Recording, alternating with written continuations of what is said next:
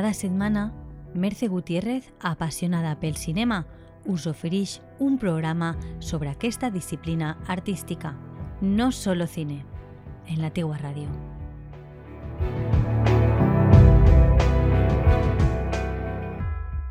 Buenas tardes, Monobar. Soy Merce Gutiérrez y esto es No Solo Cine. ¿Por qué lo llaman amor cuando quieren decir sexo? Esto es una magnífica comedia romántica de Manuel Gómez Pereira con Verónica Forqué y Jorge Sanz y el título de nuestro programa de hoy. Porque sí, porque hoy tocan los amores tóxicos, los que duelen, los que ahí no, los que quedan genial en la pantalla grande, pero son una bandera roja de manual. Pasión y desenfreno, vale, pero ¿a qué precio? Porque de esos amores que en la vida real hay que huir en la dirección contraria, hay muchas buenas películas. Y con ellas vamos a terminar el mes del amor. Ya os digo que estas acaban mal, casi todas. No podía ser de otra manera. Empezamos con el cartero siempre llama dos veces. En Estados Unidos, durante la Gran Depresión, un vagabundo llega a un restaurante de carretera. El dueño le ofrece un trabajo, pero él lo rechaza. Sin embargo, cuando ve a la mujer del propietario, el forastero decide quedarse. A ver, esta es una novela muy muy conocida en Estados Unidos y se hicieron dos versiones. La primera con eh, Lana Turner y John Garfield en los años 40-50 fue un exitazo. Yo creo que es la más fiel al libro y muy pasional y tal, pero luego hicieron una versión en los años 80 con Jack Nicholson y Jessica Lange, que vamos, eh, fue un bombazo la película, con unas escenas tórridas y muy muy apasionadas, una pareja con una química tremenda. Es cine negro con un romance extramarital que nos ofreció pasión, erotismo y un nuevo uso de la mesa de la cocina, la verdad, y de la harina también. Si no la habéis visto, hay que verla, porque ya os digo, una increíble química y unas interpretaciones de estos actorazos tremendas. Hay que verla. También tenemos Esplendor en la hierba. En una localidad rural de Kansas, dos jóvenes de diferentes ambientes sociales se aman y deciden no separarse jamás. Pero la desaprobación de sus familiares y otros factores acaban decidiendo su suerte, Natalie Wood y Warren Beatty nunca estuvieron más guapos, más bellos que en esta película y sus actuaciones más impresionantes y conmovedoras. Ellos se separan y él decide seguir eh, adelante, no mirar atrás, pero ella se vuelve literalmente loca sin él, se plantea todo lo que le han enseñado, toda su vida, como mujer, lo que tenía que hacer, lo que no, y es un verdadero revulsivo eh, en, su, en su vida y la actuación de ella es impresionante. La novela es maravillosa y la película conmovedora. Él sigue adelante como hombre, dice, bueno, yo sigo mi vida, no pasa nada, aquí no ha pasado nada, pero ella como el rol de mujer que tiene, no puede pasar páginas sin más y ya os digo, literalmente se vuelve loca. Una familia castrante que, que no la deja ser feliz y la película, ya os digo, es muy, muy buena. No entiende nada, ella no entiende nada de lo que pasa, de por qué ella no puede no puede seguir con esa relación o no puede hacer determinadas cosas que hace él. Es una película bellísima, pero muy, muy triste, de hasta dónde puedes caer por un amor no correspondido. Luego tenemos Amor sin fin, esta es de los años 80, que es el amor de dos adolescentes de 17 y 15 años y cuenta con el beneplácito de sus familias.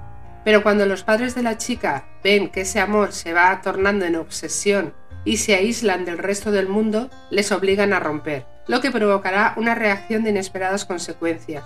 Aquel que se vuelve loco literalmente es él, y cuando el amor pasa él pasa a ser obsesivo, controlador de posesión, esas cosas nunca acaban bien, vamos, acaban no acaban en desgracia, pero vamos, mm, por un pelo. Con incendios provocados, él tiene que ir a un centro, bueno, es tremenda la película una Brooke Shield bellísima que tenía la misma edad, tenía 15 años cuando hizo esta película, un año después de rodar El Lago Azul. Está dirigida por Franco Cefirelli y bueno, una banda sonora que, se ha quedado para la posteridad. Tiene un remake que hicieron en 2014 y que yo, vamos, mm, os digo que ni os molestéis en verlo porque es malo, ¿no? Mm, lo siguiente. Como anécdota os digo que es el primer papel, la primera película de Tom Cruise. Ahí os lo dejo, tenéis que buscarlo un poquito porque es un cameo muy pequeñito, pero ahí está, con su dentadura antes de arreglarse los dientes, que cuesta reconocerlo. Otra película fantástica de, esta temática es La Guerra de los Rose, que es la desintegración de un matrimonio perfecto, tan modélico como insultante y vacío. Ella, madre y ama de casa perfecta, cae en la cuenta que quiere recobrar su identidad y él, un perfecto profesional, no quiere que nada cambie y ahí empieza la guerra. Pero guerra con todas las letras. Una comedia negra que no se asusta, que no es políticamente correcta, que llega hasta las últimas consecuencias. Esa lámpara de araña, no sé si os acordáis. Y bueno, es una maravilla. Está dirigida por Danny DeVito, magníficamente dirigida, yo diría, y protagonizada por Michael Douglas y Kathleen Turner, cuya complicidad, adquirida en otras películas, se nota y mucho. Muy buenos actores. Seguimos con Michael Douglas y Atracción Fatal. Dan tiene una familia perfecta, un buen trabajo y conoce a Alex, una atractiva mujer con la que tiene una aventura. Para él solo ha sido pues una canita al aire, pero ella, eh, que reacciona con violencia ante el fin de la relación, no acepta ser rechazada y su obsesión por él se vuelve enfermiza y peligrosa. Qué malos fueron los 80 para este hombre. Qué malos. A ver, soy feliz y decido, y decido ser infiel. ¿Qué puede pasar? Pues nada, que te cocinen a la mascota de la familia o te persigan con un cuchillo jamonero por toda tu casa. A ver, ¿qué tendrá este hombre que la vuelve a todas locas? O por lo menos en aquella época. Porque vamos a terminar su trilogía con Instinto Básico. Bueno, tengo que decir que es... La atracción fatal fue... Yo voy a hacer spoiler, pero estas películas tienen sus añitos, ¿eh? el final más impactante empezó con. Yo creo que este final y Viernes 13 empezaron los finales impactantes. De estos que dices, ha terminado. ¡Uy! No. y me he pegado un susto que no veas. No digo más. Y eso, vamos a terminar la trilogía de Michael Douglas con Instinto Básico. Y aquí es un inspector de policía que investiga a una escritora cuyo novio ha muerto de la misma manera en la que ella escribió un libro meses atrás. Ella va seduciendo al policía ¿Y el qué hace? Pues lo más normal, vamos, lo que haría todo el mundo. Caer como un corderito con la presunta psicópata que tiene siempre el picahielos a mano debajo de la cama, como todo el mundo también, por si les da por querer un, un mojito después de, vamos, lo normal. Sharon Stone lo acompañó en este exitazo con ese cruce de piernas que ya es historia del cine y con unas escenas bastante tórridas, muy polémicas en la eh, fue 89-90 fue muy polémica la película, pues las escenas con los desnudos y gran química entre ellos. Pero es que Michael, se, Michael se deja querer. Michael se dejaba querer y, pobrecito, todas iban a por él. Pobrecito. Este hombre atraía, atraía a cada, cada señora que, no era normal. No era ni medio normal lo de este hombre. Otra de las películas tremendas de la, de la época más o menos 80, esta es de los 80. No es semanas y media. Elizabeth entabla relación con John tras unos inicios apasionados, la pareja se embarcará por el deseo de él en una serie de juegos eróticos cada vez más extraños que confundirán a Elizabeth, pues ella le ama pero desconoce verdaderos, los verdaderos sentimientos de John. Bueno, el striptease más famoso de la historia con Joe Cocker de fondo. Yo creo que nunca una canción nos evoca unas escenas. Es oír la canción de Joe Cocker y evocarnos la escena y la imagen de Kim, Basinger, de Kim Basinger con la luz de fondo y verla a ella. Es impresionante. Bellísima, ella es bellísima y un jovencísimo y ahora irreconocible Mikey Rook, el pobrecillo, todo lo que se ha hecho en la cara a este señor. Todo lo que no tiene que ser una relación, pero con grandes momentos eróticos festivos. Momentazo nevera incluido. Fue muy polémica, la relación entre ellos es tremenda. Luego ella denunció que no se sintió del todo cómoda rodando esas escenas. Y ahora eh, se lleva mucho lo del coach de intimidad, que lo veo perfecto. Antes el director decía, pues quítate esto, quítate lo otro, pues esto no va a salir, esto sí que va a salir.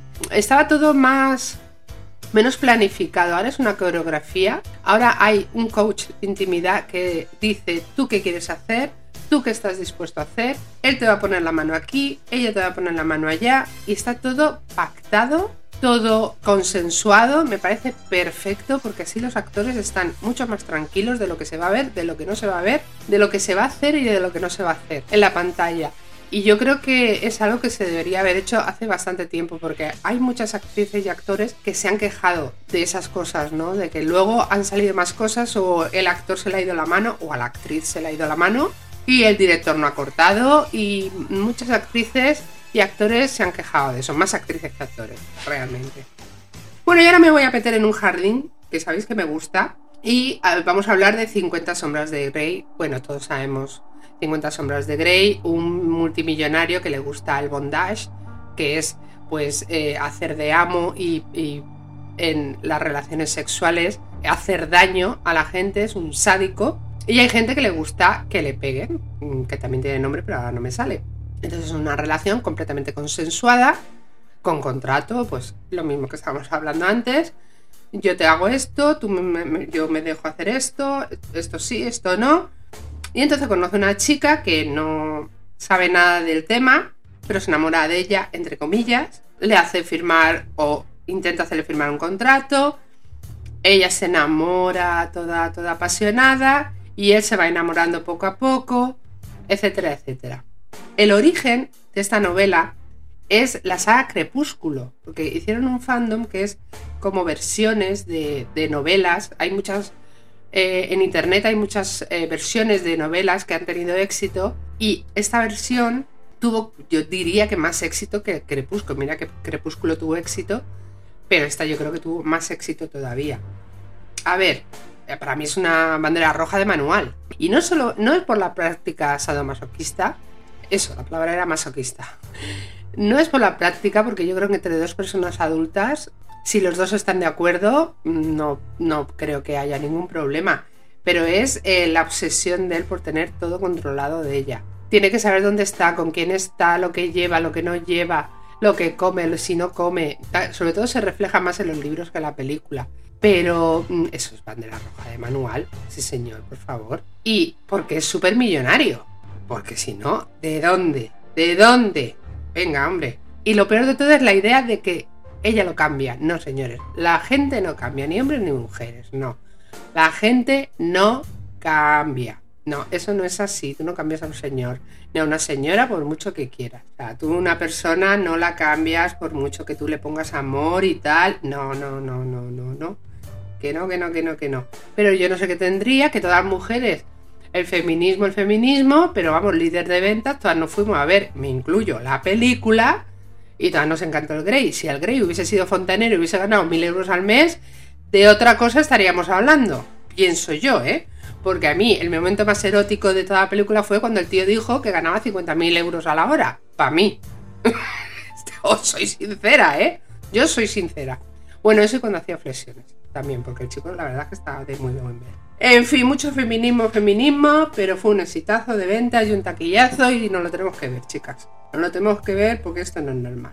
Bueno, y la recomendación de la semana, porque no sabía dónde poner esta película, yo la voy a recomendar porque es una maravilla y es Hechizo de Luna. Hechizo de Luna es una película también de los años 80, 90 y empieza un poco tóxica porque eh, te cuenta la historia de una viuda que vive en Queens y ella quiere comodidad.